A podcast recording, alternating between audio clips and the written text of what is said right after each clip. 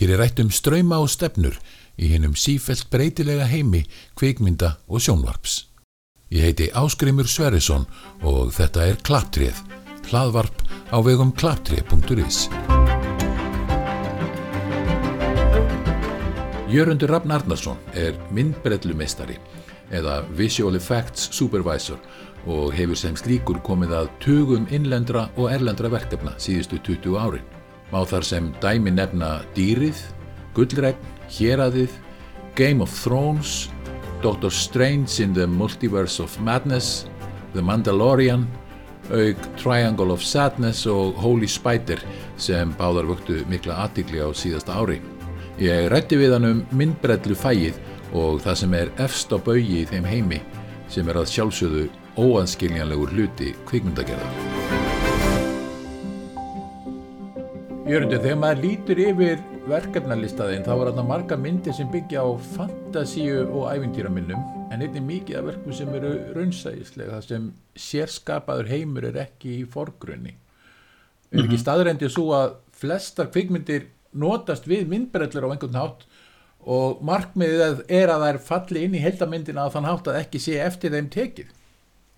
Jú, algjörlega. Ég myndi segja að, að, að það er bara ekki marga myndir sem fá svona fulla meðferð uh, án þess að vera með alveg tölversta að brellu skotum og, og þau skot eru oftar en ekki skot sem enginn tekur eftir. Þeim missa einu sem ekki endilega brellu fólk sko þannig að já. Svona með tilkomu stafrætnar tækni þá hafa orðið alveg gríðarlega framfarið í myndbrellum síðustu, hvað segjum við, kannski 20-30 árin, erum við að tala um kannski mm. Jurassic Park er einhvers konar viðmið fyrir hvað, Algjörlega. 30 árin síðan, cirka segjum svo, sem svo, en ef mm. þú ættir að summera þessar framfarið upp, hvað mm. er hæst? Sko, varðandi stafræna framfarið myndi ég segja að það sem er örglega stæsta uh, breytingin í, í, í kveikmyndasamhengi lítur að vera tilkomu uh, nógu trúverðu þrývita hérna framleiðsla.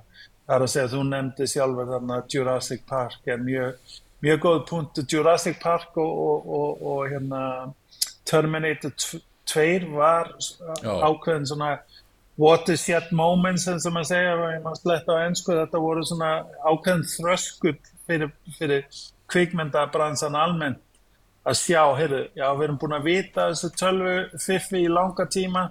Við erum búin að sjá hitta þetta en aldrei hefur það verið nóg gott til að sýta í okkar fína bíómyndum. Við erum ennþá að halda okkur við gamla gamla proof and, and, and tested uh, aðferði hvað sem það er brúður, miniatúr sérstak ljósmyndunartækni, alls konar trikk sem menn eru búin að búa til í gefnum tíðana mm -hmm. en svo einmitt kom þessar myndir eins og eins og hérna Jurassic Park og eins og uh, Terminator 2 þar sem fjast þessi þrývitatækni fjekk að vera í forrúmi og taka alveg sess í myndina og, og hjælt, hjælt fólk inn í myndina þetta var ekki það hræðilegt að fólk myndi ekki kaupa þetta lengur þvert á móti þetta var alveg rosalegt svona moment held ég fyrir alla sem fóru að þessa myndir á sín tíma. Þannig, Já, ég mynd tilgangurinn er í rauninni sá að, að, að, að þetta fellur á eðlilegan hátt inn í söguheimin þannig að þetta er bara markmið er rauninni þetta sé bara þetta á að vera svona, þetta er eðlilegt. Já, algjörlega og, ég, og það er alltaf markmið og, og markmið þú veist, þegar þú ert að gera risaðlur þá ertu náttúrulega búin að koma upp um sjálfum að því að það eru yngar risaðlur þannig að við þurfum ekki að ræða það hvort þetta var tekið upp eða búið til sem brella en, en uh, svo er flest allt annað er kannski alveg til útgáður af og, og þá er mark, markmið að reyna að láta hlutina líta út eins og þau tekið upp. Eða það er að segja að það er markmið að mín, það er það sem ég þykir vænt um allavega. En sumir bæði leikstjóra og brellu brellu stjóra visual effects supervisora eru kannski með önnu markmið sem er kannski meiri stílisera meiri, meiri expressive, þú veist, maður getur nefnt sem dæmi til dæmis Matrix eða einhvað svoleiði sko, Já, já. sem, sem ég elska líka en það, þar er að nota þessi tól eiginlega sem hálfgeir svona expressive listræn tól líka skilur og, og ég personlega hef, hef ekki verið mikið þar og mitt hjarta liggur meiri í, í hinnadeildina, jósynlega deildina eða, eða það sem við erum að reyna eftir raunveruleikan alltaf Þannig. Já, já. En er ekki samt svo þrátt fyrir allar framfæriðnar í myndbrellum þá er enn best að reyna að gera sem mest fyrir framann myndavilna, byggja og smíða sem mest þar og síðan koma myndbrellunar og klára verkið og svo má segja.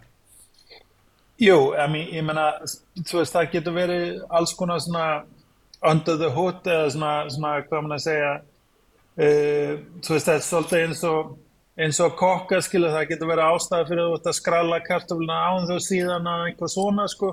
Þannig að það getur verið þannig hluti sem hefur áhrif á hvernig við skjótum það og kannski skjótum ekki einhvað en gerum gerum það sem ljósmynd og, reanimata ljósmyndin eða hvað sem við gerum. Mm. en almennt séð myndi ég segja reglan fyrir mig er að ef, ef þú getur skota þá áttu að skjóta. Alltaf reyna að hafa sem mest inn kamera eins og mögulega hægt er. Mm. og svo finnum við út hvað vantar upp á og þá notum við þessi tól til að koma svona klára dæmið vonandi. Þannig að jú. Þannig að það var eiginlega næsta spurning sko sem ég ætlaði að spyrja þig. Hvenar hefst þín aðkoma að verkinu? Og, og, og líka kann þá í leiðinni hvers vegna þar myndbreytlu meistarinn að vera á setti? Eins og maður sér í þínum kreditum að þú ert þarna oft titlaður on set visual Já. supervisor.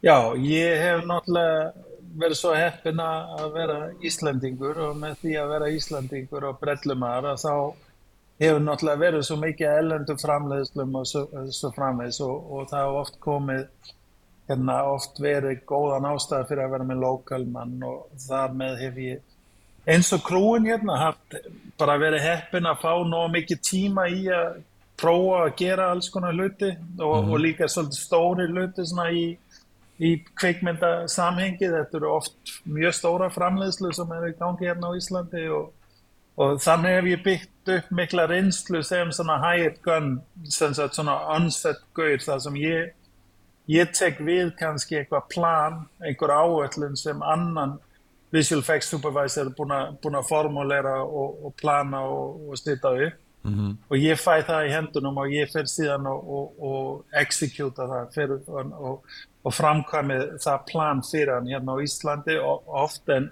svo náttúrulega er ég bara komin með gífilega reynslu og núna er það orðið einhvað sem ég orðin eftirsóktur í bara eitt og sér skilja þannig að verið að byggja mig um að koma hér og þar í heimin að, að gera þetta fyrir, fyrir hinn að þessa framlýslu en hérna En ef maður spyrja sko, þig sko hvað ertu að gera á settinu? Hverju fælst vinna? Já, sorry Já, Já, nei, ég ætla bara að koma að því. Svo fyrst og fremst er ég, sko, mikilvægasta hlutverki er bara að vera aðna og, og hagraða framleiðsla og tökuna fyrir það sem við erum að fara að gera í, í hérna, eftirvinnsluna. Þannig að sem, super, ég, ég ætla að kötta það eins í tvo hluti. Eitt er supervision hliðina og annað er data, data capture hliðina.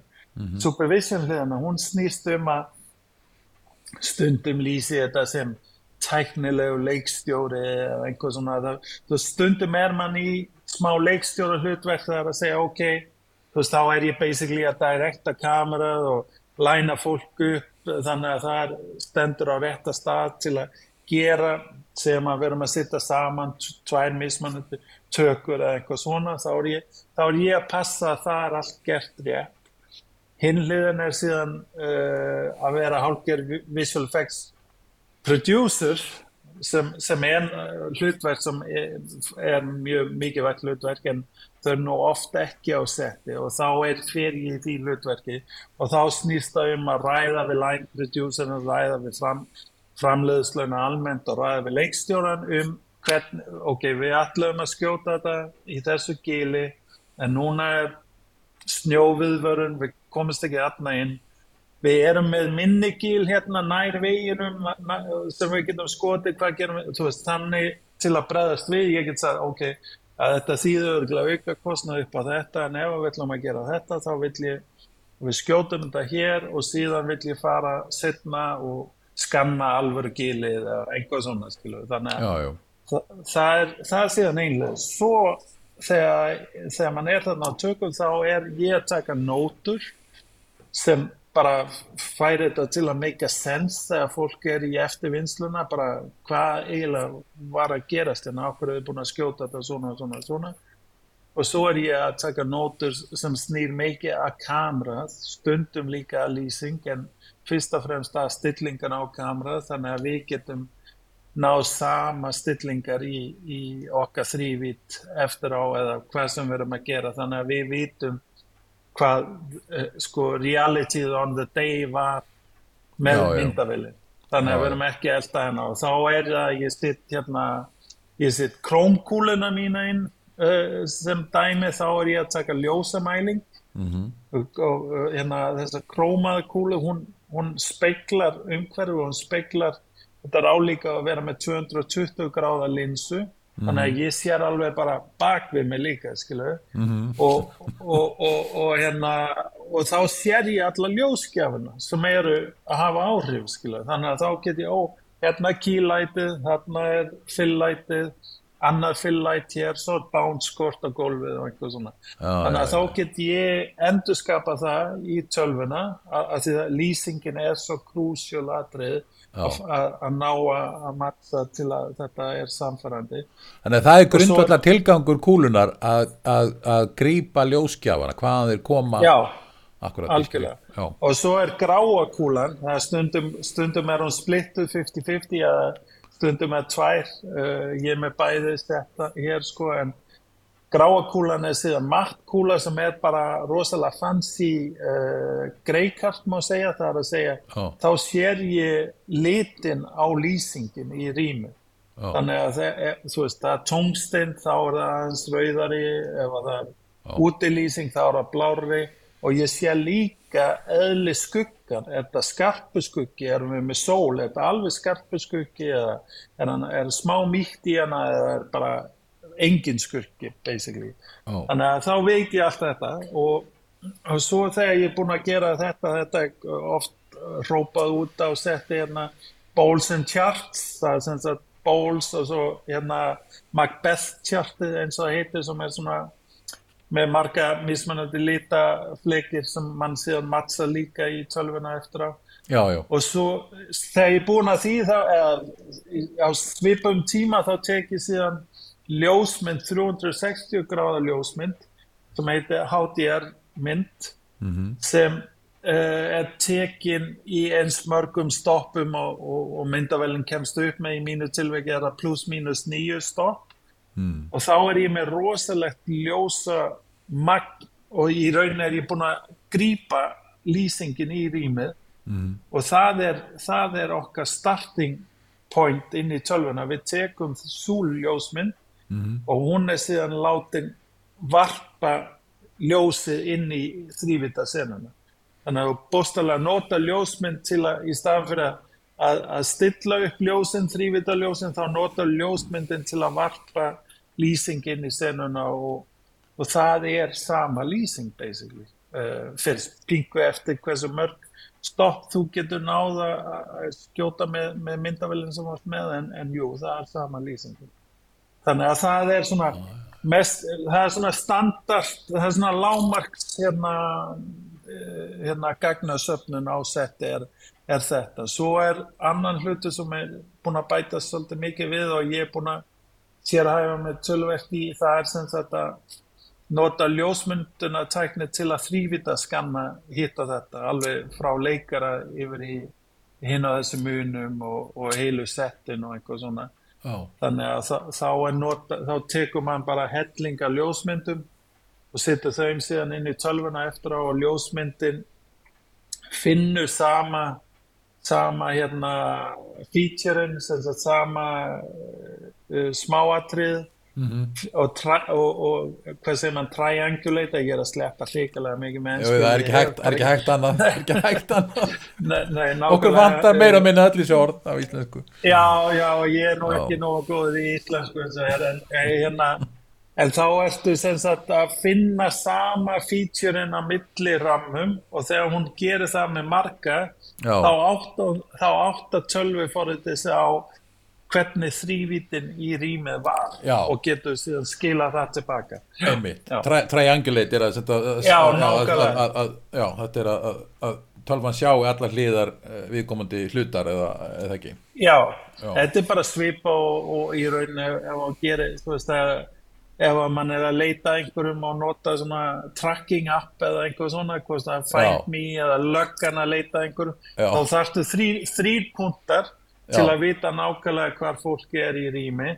Og svo þegar þú veist þegar þenn, hvar þessi punkt er og svo veistu hvar annan punkt er og svona koll við kolli þá byggist upp bara þrývítin í sjálfum þú veist hver, hlutföllin þeirra sér á milli sko. þannig að hérna, þetta var mjög gróftækni til dæmis að ég byrja að nota hana í hérna, season 5 í, í Game of Thrones að ég var búin að leika með, með hana áðan það en season 5 þá var þetta ennþá mjög gróf tækni. En samt náðum við alveg að nota hana í season 5 og var þarna leikil atrið í, í loka baráttuna og, og hérna svo er þetta bara orðið betri og betri og betri og, og núna er að koma ákveðin AI hliða á þessu líka sem á eftir að örglega gera þetta alveg störla á mjög fljótum tíma sko, svo já. Já, förum, förum aðeins betur í það á eftir.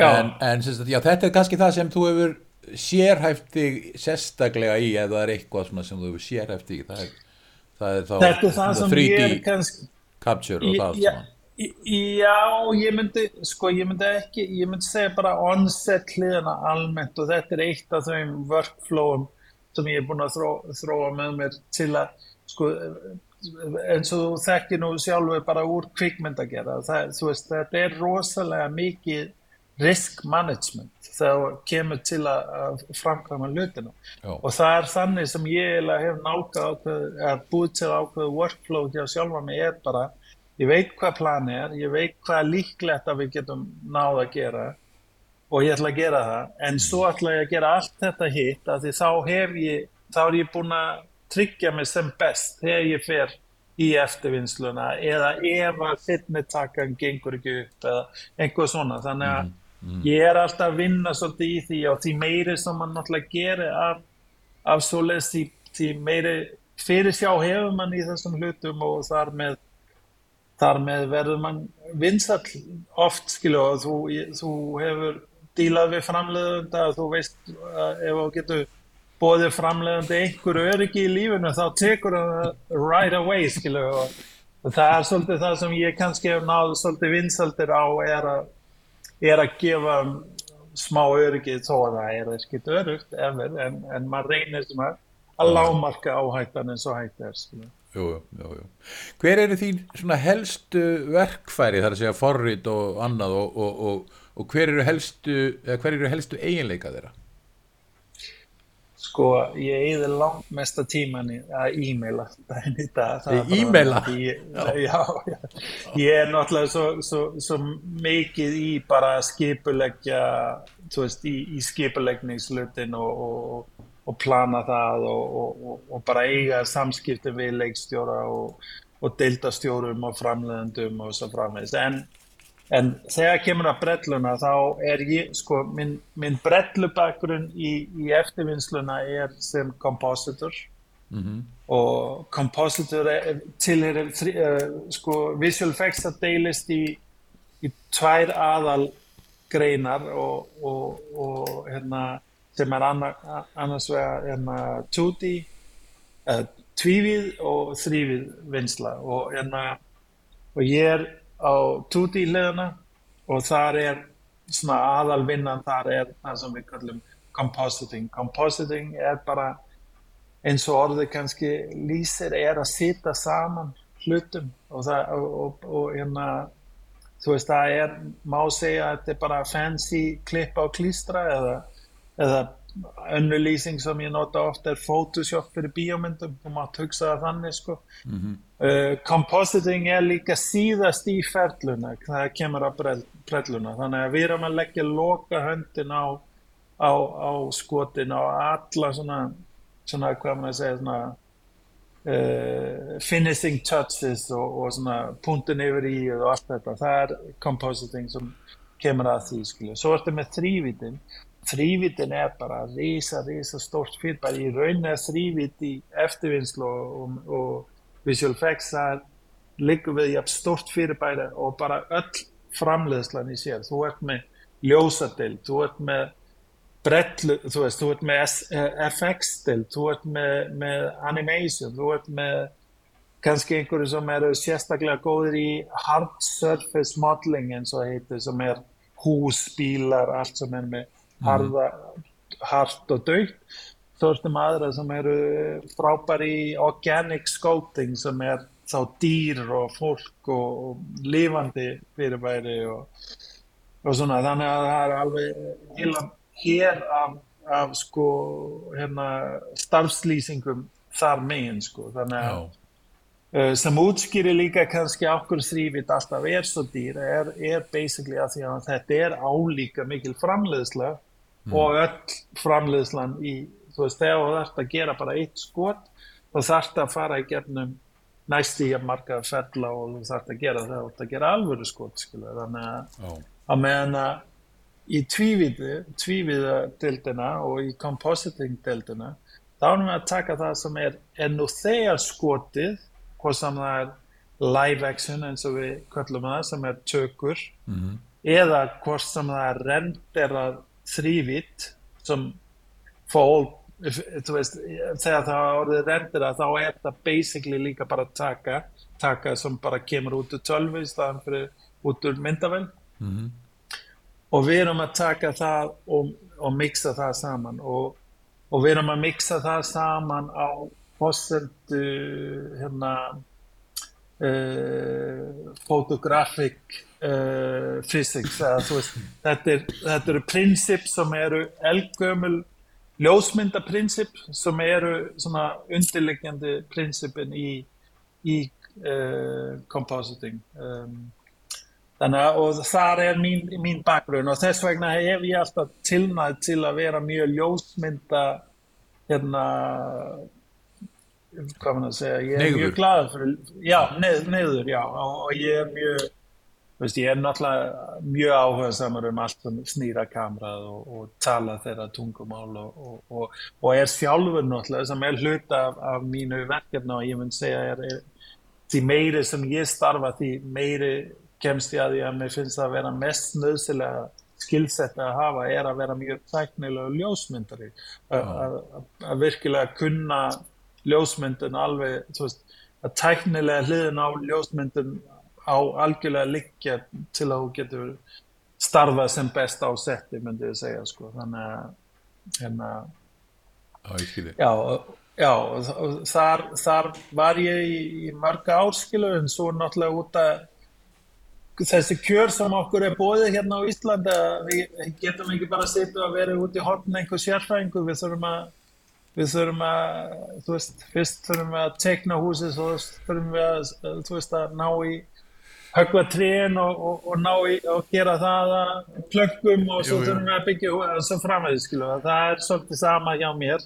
Við þurfum að kunna og, allt, basically. Já, við þurfum að kunna allt og sem tíma þá var ég til dæmis hjá Stagafilm í, í, í mörg ár og þau fengu fyrsta rettvelin hérna ásamt einhver, hvort það var Sævar leikstjóri eða einhver sem fekk aðra og, og með því þá dætt ég svona fyrir tilviljun svolítið meir inn í tökur sko mm. og svo bara hefur það alltaf verið mjög öðlislegt fyrir mig að vera ásetti og, og vinna þannig og, og hef dænið það alveg rosalega gaman að því sko.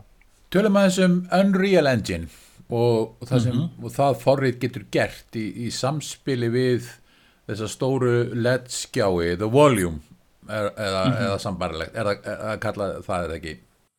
Jú, jú hverjir eru kostirnir og hverjir eru gallarnir það er alveg það sem hvað er, hvað er það sem er frábært við þetta og hjálpar kvikmyndagerð og hva, hvað er erfitt?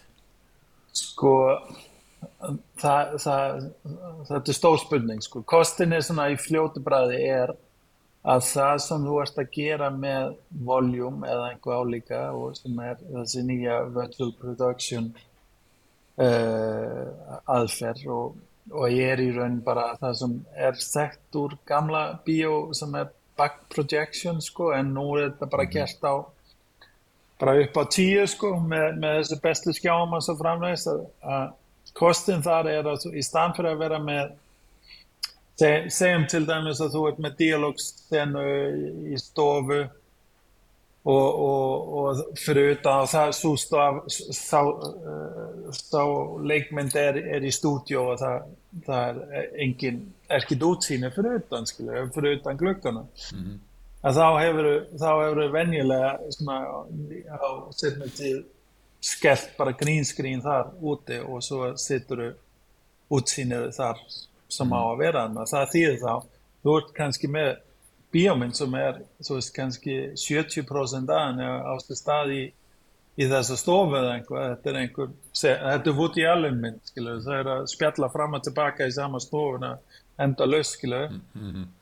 þá ertu allt í hennu komin með 70% af myndina sem er orðin brellu skott skilur og þó að það er ekki neitt ofurflókið og ætti að nýtast vinnana ágjörlega millir skota eitthvað svona, mm þá er þetta samt hundruðum að skotum sem þarf að gera núna sem brellu skot mm um, ég, ég, það er einmitt, ég gerði einmitt nákvæmlega svona mynd sem var hérna hún hérna uh, ekki Sally Potter hérna leikstjóri bresk, breska leik, leikstjóran hérna gerði mynd sem heitir The Road Less Taken. Reyndar var, var það ein mynd sem var síðan klift í tvær myndir og hinn myndin er á leðinni út núna sem ég man ekki alveg nafn á en, en hérna uh, The Road Not Taken. Það heitir The Road Not Taken með Javier Bardem. Og Javier Bardem er mitt leikur hlutverk af maður sem er svona um, er búin að ganga alveg inn í sjálfnast út af tráma, hann er svona hvað kallar maður það hérna, hérna þú veist viðbræðalaus út af traumatísk ah, atbyrðu sem hann var fyrir. Og, okay. og dótti hans er að koma og sjá um hann og eitthvað svona. Þetta er bara, þetta á að vera lítil New York íbúð sem var skotin í stúdíu í London. Mm -hmm. og náttúrulega alveg endalust mikið af skotum sem átti að eiga sér stað í, í þessu rými skilu og þá var einmitt bara sett lettskjá fyrir aftan mm -hmm. og hérna og varpa þá umhverfið þar sem átti að vera hérna, hérna New York Subway sem kom þarna framjá og svo framveg sko svo, enna, mm. og þá ertu búin að leysa það í raun skilu, þá mm. er það bara út úr, út úr heiminn, þá er það bara orðin í raun hluta leikmyndin mm. og, og það sem er í kamera það er það sem þú sittur uppi með og, og fyrir utan það þú er búin að leysa þetta er ekki eftirvinnsla þú er líka með leikara og leikstjóra sem núna getur tekið svolítið breðst við hilda myndina mm. þarf ekki að ímynda sig að vera að horfa á fjöllin eða einhver svona, þau sjá fjöllin núna eða mm. þau sjá eðamökkin fyrir fram að sér eða, eða hvað sem það er skilur. þannig að það hefur ekki þegar þú ert í þessu stóru green screen stúdjó þetta er alveg, þetta hefur töluverð sálfræðileg áhrif á, á, á leikarum og verður alveg, alveg erfitt að að svona kristða út af fólk að halda áfram að ímynda og mann þarf að vinna mikið með auglínur og alls konar svona vissin sko sem er náttúrulega ekki ekki til staða því að það er eftir annað en grænt bara. þannig að Já. það er svona auðljósa kostin í fyrstu bræð svo býður þetta upp á alls konar stöf sem þú getur svona gert hvað mann að segja svona tekið þetta smá next level sko þannig að þá er, þá er náttúrulega hlutir eins og og þá er það einmitt sko Unreal Engine sérstaklega er upplutt í varandi það mm. að því að flestir er að nota þessi virtual production tækni, þau eru að nota hann á hátt þar sem þau eru ofta að skjóta bara tökur, venjulega tökur og síðan varpa þau og það er þú veist, útsýni út úr gluggan eða eitthvað svona, það virkar fín en því nær sem umhverfi kemur þér, því, því erfiðari verður að láta það ganga upp að því það því að um leið og færi kamera þá er fyrirbæri sem heitir parallax og ég skal bara sína er, þetta videopodcast Nei, þetta er nefnilega ekki videopodcast. okay. ég ætlaði samt að sína þér skilu að, hérna, að, að það að, hérna, ef að sé núna nú ég er ekki, ég er að halda sama hlutfell á þessum pennum hérna Já, og sér að frem, fremri pennin hann er að færa sig miklu hraðar í gefnu raman heldur en aftur, aftasti jú, jú, pennin skilu jú, jú, jú, það, og það er parallax uh, fyrirbæri, fyrirbæri sem allir þekki og skilja og, Já, þú ert semst að tala um, að tala um að, að skjárin, uh, LED-skjárin, það sem er á honum, það reyfist í samræmi við kamerureyfingar eða, eða ekki, þú ert basically að tala um það. Já, ná, nákvæmlega, því þegar þú ert að gera tökku og setja það í letskjáin, hmm. þá ertu með fjár, fjárvítin er föst, hún er bökuð inn í það sem takan var. Það sem kamera gerði á sá degi er það sem hún mun sjá á skjáin. Já, Þannig að, að reyfing er vandamál til dæmis, það, að því þá þarf þetta að mattsa reyfingin á núna kamerað sem er í stúdíóið og kamerað sem hún varst að nota til að taka upp það sem er orðið núna myndefni á skjáin. já, Uh, og þar, að öll þessi vandamál og fókus er líka mjög stórt issue með þetta, öll þessi vandamál, þau basically hverfa með Unreal nálgunin, að því þegar þú ert með Unreal nálgun, þá ertu, þá ertu með þrývita sinn og, og þú ert inn í þrývit, það er að segja að fjárvitin, hún er rétt og hún verður til. Já. og hún er tengt núna, núna sittum við nemi á myndavillin sem nemur nákvæmlega hvað myndavillin er statt í rými og hvernig hún er að halla sér og snúa og allt þetta. -hmm. og þá, þá fáum við þá er okkar virtual myndavill að herma nákvæmlega eftir.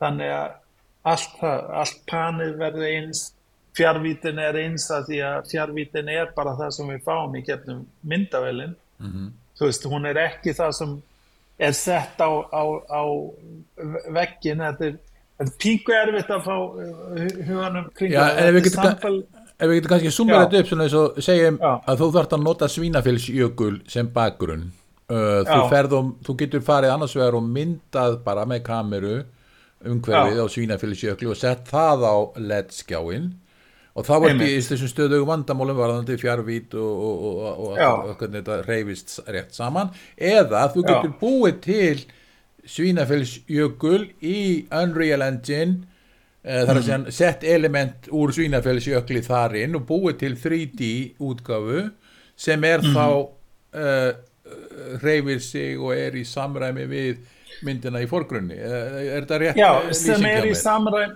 Já, sem er í samræmi með kamera, það er að segja. Kameru, að þegar ka kameramann er að breyta, uh, breyta stöðu Mhm. þá, þá, þá, hérna, þá er talvan er að reikna út kamera og þennan skannaða svínafjálsjökul sem er í þrývit mm hún er að reikna það út í sama world space eins og við segjum. Já, Þannig að þau reyfa sér rétt í hlutvelli saman og svo bætist síðan við fókusstýringin líka og einhver svona skilu. Þannig að við getum líka, veist, þegar, þegar kameramann fer í mjög grunnri fókus, þá, þá fer allt út úr fókus á réttan hátt já, í, í, í, í, í, inn í þrývitin með, með, með dýft í því líka að því að eitt vandamál sem er mjög algengt í, í sem hún sér mikið að mistökum gerði í, þessu mm. backproject sem dóti er að ég var búin að skjóta þetta bara sem venjuleg taka -hmm. en allt í fókus og flott með það til að, til að gefa sjálfan sem mest flexibility mögulega. Uh, og svo gera grunnan fókus eða eitthvað svona, þá fer bara núna allur Myrdalinn sem er nú stór og, langt frá punktur, fremsta punktin til aftasta punktin, það er kannski 20 kilometra eða eitthvað svona. En fremsti punktin og aftasta punktin af því sem er í myndina á skjáin þau fá sama út af fókus meðferð. Þau fá sama blurriness. Já, all over skilu þannig Já. að þá kem, kemur mann smá upp um flata eðli skjásins þegar það gerir og mann sér þetta alveg núna svolítið í framleiðslum mann sér það mist það er svona þrýr hluti sem eru erfiðir að vinna með það. Þetta er eitt. Svo er það sem er langalgengar sem mann sér vandamál með er það sem heitir black levels sem er basically bara skugganir í, í senuna Mhm. af því að flestu sem er að vinna með þessi tækni daginn í dag Mm. þau eru að vinna bara með, með, með eitt skjá eða bara eina hlið þannig að það er einhver rými það sem er möguleiki á að það kemur endurvarp á ljósi og það endurvarp getur síðan varpast upp á skjáin og það, það, það bara þe- þessi litla lýsing verður til þess að dökkustu litinir í skjáin þau verða aðeins eh, bjartari en dökkustu litinir í alvöru fyrirbærin sem eru fyrir þig. Og það, það tvent er ógislega erfitt að laga vegar já, um, eftir á sko, þá, þá ertu í pingu vesinu sko og, og, og það er alveg, mann er alveg að sjá það. En þetta er hlutu sem ég er að sjá núna en flest aðlegt fólk tekur eskit eftir en svo kannski eftir fimm á þá eru orðin það þjálfuð og vön það góð gæði að þá sjá það strax þegar við horfa á mynd, myndin frá í dag skilu. Þannig að þetta er rauninni samskonar vandamál og er oft í grínskríninu þar að þú verður að halda subjektinu í, í nægilegu fjarlæði frá grínskríninu til þess að fá ekki grí, sko, græna litin inn í, inn á, inn í fórgrunni. Er já, þú mátt segja- þetta er jú, jú, jú, jú, það, það er vandamáli með grínskrín að spillfaktorinn algjörlega og, en, en hérna er vandamáli spill í hináttuna það, það er góð punktu já, já, nú ertu að díla við spillið út úr stúdíuna og upp á skjáin basically. Og meðan að, með grínskrína þá erum við að reyna lámarka spillið frá grínskrína og inn í. Já, þannig að. Það það er mjög góð, góð leið að lýsa þetta. Ég ætla að nota það í framtíðum bæðu. Hérna, en, en ok. eh, hérna, um, þetta, en svo, það er líka, veist, þessi issue gerir að menn er komin í smá svona, að ávinningin er ekki alveg jafn mikil og að leita út fyrir fyrst að vera, skilur. En hins vegar, þetta virkar og virkar vel, þá er þetta náttúrulega bara frábært og þá er bara allir að sjá þetta í mónitor og við þurfum ekki að ræða þetta hvort þetta lítur vel út eða ekki. Við sjáum það, þetta er bara skotið komið búið má og það er náttúrulega mjög verðmægt í sjálfum sig skilur að bara geta loka hluti, geta ákveð hluti og bara þau, nú þegar við segjum bara, þú veist rapp á þessa senu þá þá vitum við hún er þarna skilur og það er náttúrulega hluti sem fær ekki með grínskrín og að því að, að bæði ertu ekki að sjá það þegar ertu að skjóta en svo þegar leikstjórnum fer í, fer í hérna, eftirvinnslu Mm. að þá er það bara kannski hann uh, og, og, og klipparinn og, og framleiðandinn eftir í framleiðslan alla aðri með skoðanir og góða hugmyndir þau eru komið frá, þau standa ekki við liðan á leikstjóran lengur skilu Mm. og svo er náttúrulega endalust hægt að second gessa sjálfansi skilu efast og, og ah, var þetta rétt að á meðan ef þú ert búin að taka ákvörðun að sett þá er þetta bara, þú er bara að, lifa með það skilu. það finnst mér með, því eldri sem ég er og því meiri sem ég ekki aftur því, því meiri lít ég svo á að bara uh, algjört líkilatrið af kvikmyndagerð er að það, það að vera, að vera takmarkað, að ekki að hafa end, open-ended lausnir endalaust mm. me, og að mörgu leitið á bestu hlutana verða til því meiri sem takmarkin eiginlega er skilaði, reynir mest á þér sem kreatív manneski að finna lausn á því skilaði, þannig að Já. en að En það, það, já En hvað með uh, svona, sko, þegar þú þarft að segjum að þú þarft að samþætta sko fysísk element við Mhm. svona laga þar að segja, tökum sem dæmi náttúru element, til dæmis vatn sem er á reyfingu Mhm. við svona lagað eða, eða einhvers konar jarðefni sem getur verið á reyfingu eða eitthvað slíkt skilir segjum bara sem dæmi, grjót sem er að rinja eða eitthvað slíkt skilir mm -hmm. eitthvað, eitthvað sem þú þart að fá sko snertingu við leikaran ert með mm -hmm. ledskjá á bakgrunnsumhverfi en ert samt mm -hmm. með fysisk element í senunni hva, hva, er, er þetta vandamál í þessu?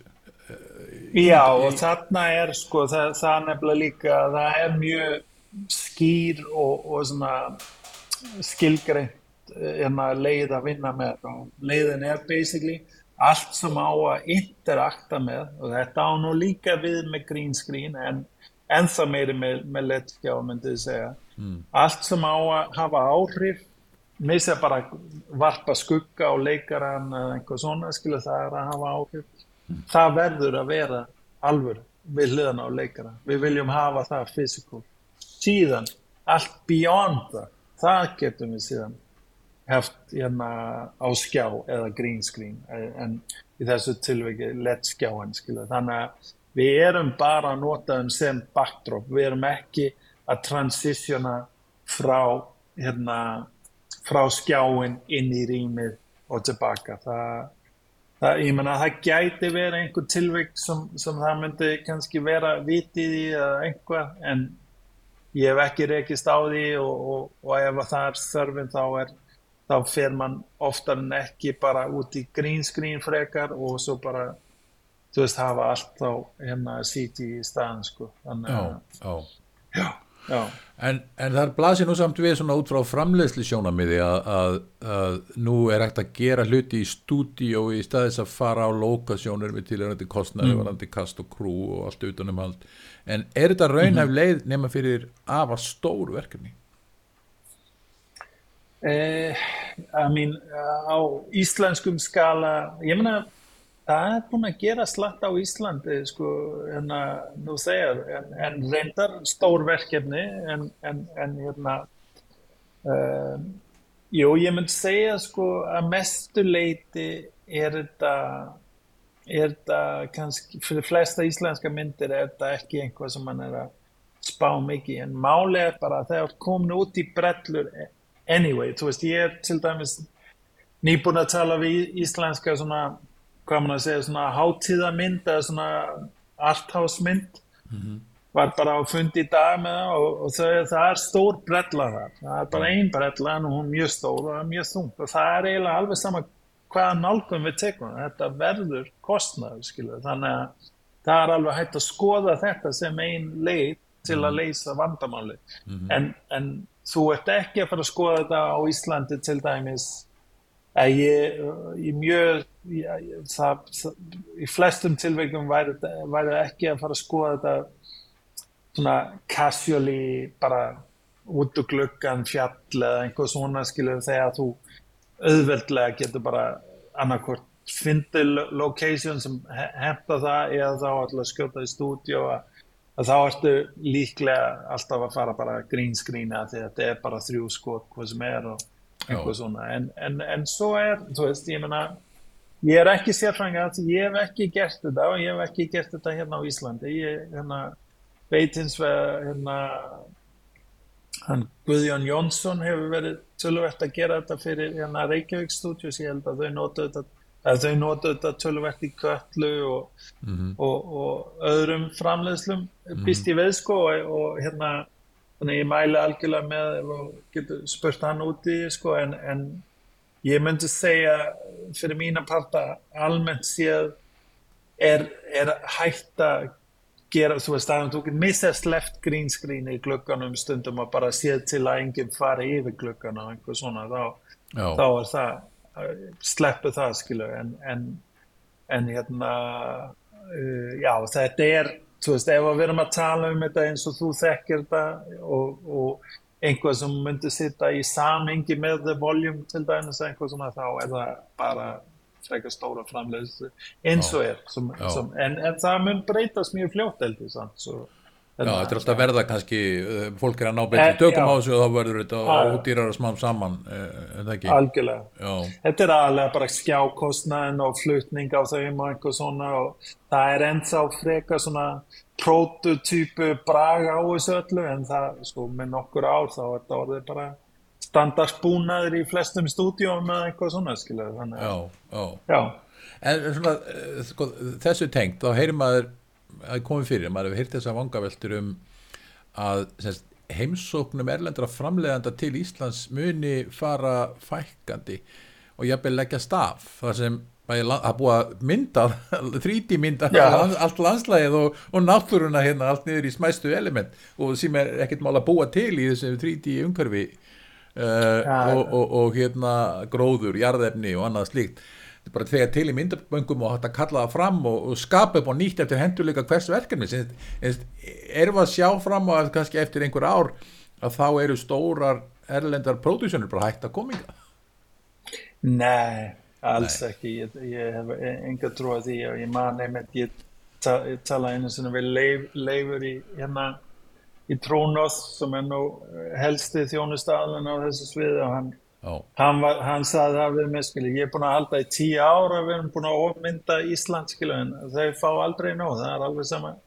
Hva, hvað er mikið gert hérna, það var- verður eftirspurnin bara meiri, skilju, og hérna, en, en svo varandi, sko, með að geta framleitt svona hína þessu umhverfi og, og svona, jú, jú, í sömum tilveikum meika alveg sens, ég menna, til dæmis þegar ég skannaði Jupilon sem var fyrsta stóra skandjópið mitt fyrir, hérna, fyrir, fyrir Game of Thrones. Mm. og að önnu skandjóp sem ég gerði fyrir Game of Thrones þá sparaði í mörgu tilveikum að, að vera með aðaltökur á Íslandi og, og það var farið út í sá herferð bara til að spara að því að var og dýrt fyrir þeim á þá tímapunkt að gera þessa senu í, bara á venjulegan hátt á, á staðin skilur þannig að, að, að það er smá að því jú, en það þýðir líka að við sem kveikmyndagerum menn fáum meira og meira að gera með því bara að skjóta umhverfa okkar sem plates og skanna það, ég að skanna það og það er bara það er helviti mikið að gera í, í því eitt og sér sko og hérna og, og, og er bara góðu bransi í sjálfhansið þó að það er náttúrulega alltaf gaman ef að alla deildir er að involvera og, jú, jú. og aðaltökur er í gangi og eitthvað svona en ég held að ég held líka bara almennt sko og sérstaklega þegar mann kemst í svona betri fjármagna endan af, af kvikmyndagerða þá áttar fólk sig alveg á kvikmyndagerð er það sem það er þetta er 100 ára gamalt fyrirbæri og ef að mann bara reyna að rífa út eh, einhvað sem heitir til dæmis leikara og location þú veist, ef þú ætla að gera ég segi bara við þig til dæmis skilja, ef þú ætla að gera óður til Manhattan í Woody Allen stíl og gera það bara í stúdjó í Gufinnesi skilju mm.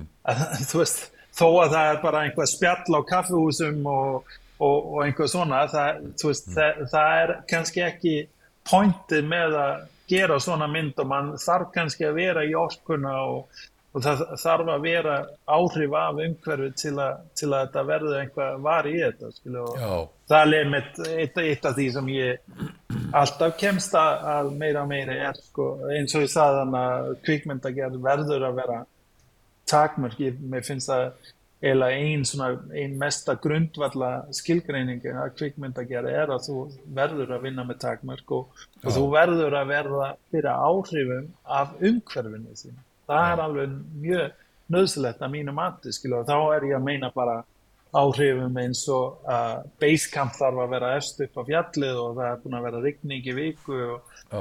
allt þetta, allt þetta endar í myndina að einhverju leiti sem, sem einhvað að mínu mati og hérna og þá, þá vil ég líka segja sko bara eins og með, með, með þú veist, þó að það væri segjum ódýrar eitthvað svona þá ertu aldrei að fá sama hilda vinna og þar með svona hilda hérna útkomu ef þú tekur alla þessar deildur út það er nöðsilegt að hafa góðan ljósamann, það er nöðsilegt að hafa allt þetta alvöru stöf inn í þetta, allt þetta fólk og, og þeirra kunnóttu og þeirra græjur er nöðsilegt skilja og jújú, jú, við getum alveg gert einhvað virtual útgafa mest að þessu en virtual er ekki alveg. Og, og þannig er og þá erum við þá erum við all, þá byrjum við á stað þar sem við erum að berjast á móti hlutina frá byrjun af því mm. við erum ekki alvöru og við viljum að þetta á að vera alvöru þángar til að verður einhvað mikið mikið erfitt og dýrt að gera hlutina alvöru þá held ég að, að flest allir dögleg kveikmynd að gera menn þau velja það yfir, yfir að plata sér í gefnaða sko. Já samt sko, maður hugsaður um þetta allt þetta, allt þetta dót sem hefur komið til sögu á svona undanföldnum árum áratug, mm -hmm. eins og þetta Unreal Engine, 3D uh, imaging og allt það uh, mm -hmm. The Volume jæfnvel motion capture eða emotion, emotion capture eins og James Cameron kallar það ja, uh, ja, allt þetta miðar að því að, að sko, myndin sé rauninni gerð í myndveri og í tölvum og þetta er farið að minna á animation. Það er að segja að það er ekki lengur mm. atrið að fara út og mynda umhverju eins og það kemur fyrir.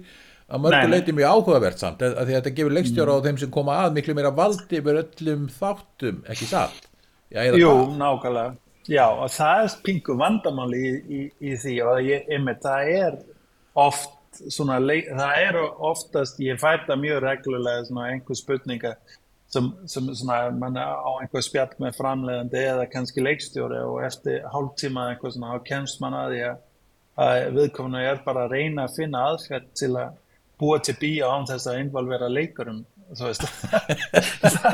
það, getur alveg verið verðut hérna, verðut hérna góli sjálf að sér sko en, en ég, ég er ekki mjög vongóður um að þetta er successful umfram einhver svona Marvel Avatar, einhver svoleis þar ja. er þetta svolítið annan handlega því þá ertu líka að tala um þá er náttúrulega the end all of bíóli er náttúrulega hérna, intellectual property skilur að búa til, til eignir, þú veist, búa til virtual eignir sem þau geta síðan mjölka endalus skilur og, og, og hérna það er, það er oft, þú veist, það er ákveðin hérna drivkraft, þú veist að ég veit ekki hvort framlegenda ímynda sér að þau geta gert kópjur að leikara eða eitthvað svona og komist upp með því að ekki að þurfa að borga residuals eða hvað sem það er þú veist, Já. það er einhver peninga það er einhver svona peninga tristing frá framlega hliðina eða stúdjuhliðina þetta er náttúrulega enginn er að spá alvarlega í þetta nema stæstu stúdjum myndið segja en og svo frá, leik, frá hérna, leikstjóra hliðan þá er þetta oft hef ég tekið eftir í mínu tilveki þá er þetta oft einhvað sem hefur með samband leikstjóra og leikara að gera skilu, og, okay.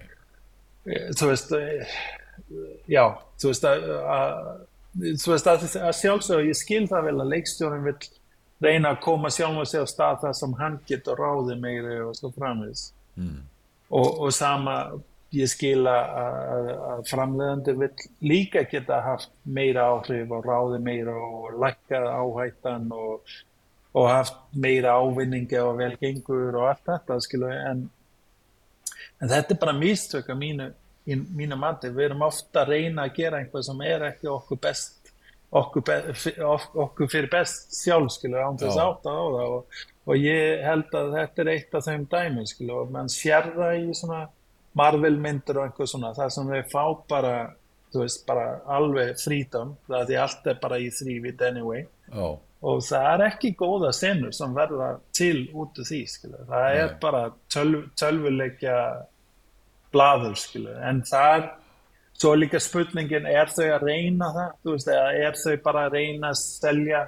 Er það bara auðlýsing fyrir tölvuleiki og dót og t-shirts og svo framins Jújú og það er svolítið þannig finnst mér sko þannig að Já En hvað með alveg svona kannski bara í lokin uh, hvað Já. með AI, gerfigreint uh, er hún líklega til að hafa mikil áhrif á þessa grein svona innan tíðar og hvað er svona helst að gera það? Já, hún hefur nú þegar mikil áhrif og hún er líklega til að bylta það er, örglega, það er næsta byltingin sko og að mörguleiti er ekki endilega frábæra þú veist það þýðir að, mjög mikið að, veist, það er rosalega mikið manual labor í visual effects skilu. það er þú veist þú, þú segjum að segjum einhver stór einhver stór framlegsla þá ertu kannski með segjum 200 manns mm -hmm. í mhm. tökum mm -hmm. þrjá mánuð eða einhver svona mm -hmm. þú kemur að brellu vinsluna á þessi blockbuster mynd mm -hmm. þá ertu kannski með hátt í þúsund manns að vinna í ár í brellum þannig að man, veist, tímanir sem fer í brelluna eru rosalega og það er svakalega þristing á að ná sá kostnað niður eðlilega Já. sem gerir að brellufyrirtæki eru alltaf, við erum alltaf á nippina og gjaldróta því við erum ekki með neina álægning að því samkeppnin er svo hörð og þristingin frá stúdjón er svo mikið uh, niður af viðskilu og hérna sem mann skilur alveg því kostnaðan er allt og stól hlut að því uh, þannig að séð sko. Þannig að það er líklegt að AI muni sagt, ná einhvern veginn að kvarta þetta niður þetta manual labor já, það, uh, dæmi Já, það er nú þegar sko, nú þegar er vinnan þessi, þessi mesta manual labor fer nú þegar til Indlands, Bangladesh, Kína oh. þar sem bara, þar sem bara vinnustundin er miklu ódýra þú þarfst að kaupa 2 miljón vinnustundin þá, þá skiptir þetta miklu máli skilu. þannig að það er kannski löðilegt að, að sjá fram á að það er fyrst og fremst þeir sem munu, munu finna kannski fyrir þessi breyting og svo setna mun það koma aðeins high level í eftirvinnsluna hérna á Vesturlanda en við sjáum nú þegar sko við vorum með mikið að stórum uh, brellufyrirtækjum og þau eru búin að ströggla mikið síðustu fimm árin sko ef ekki lengur sko og, og eru hægt að rólega að færa sig yfir í meiri svona evrósk módel sem er stúdjó frá 50 til 100 manns eða 50 til 150 manns en þú veist eins og ég sjálfur var að vinna í Framestore í, í fimm ár og það var stúdíu sem fóð frá svona 700 manns upp í 1500 manns eftir framleiðslu og, og hérna og þau eru ennþá til og allt það en þetta er erfiðar og erfiðar fyrir þeim að réttlæta þessi nálguna á þessu sko oh. þannig og, og AI náttúrulega er síðan náttúrulega fyrirbæri sem, sem hérna kemur með öðruvísi sín heldur en við. Þú veist, oft vandamáli með brellu og oft stærstu mistökin með brellu eru, eru að það sem við erum ekki meðvitaðum það, það sýtum við ekki í myndin þannig að þú veist, dæmi sem ég get geði er að við erum búin að horfa á marga svona CT uh, manneskjur verða gerðar og reyntum Benjamin Button og, og, og núna Star Wars og einhver svona og lengi reyndi fólk að gera alls konar svona og, og, og, svo, og það aldrei var það trúverið og er ennþá ekki trúverið að mínum andi mm.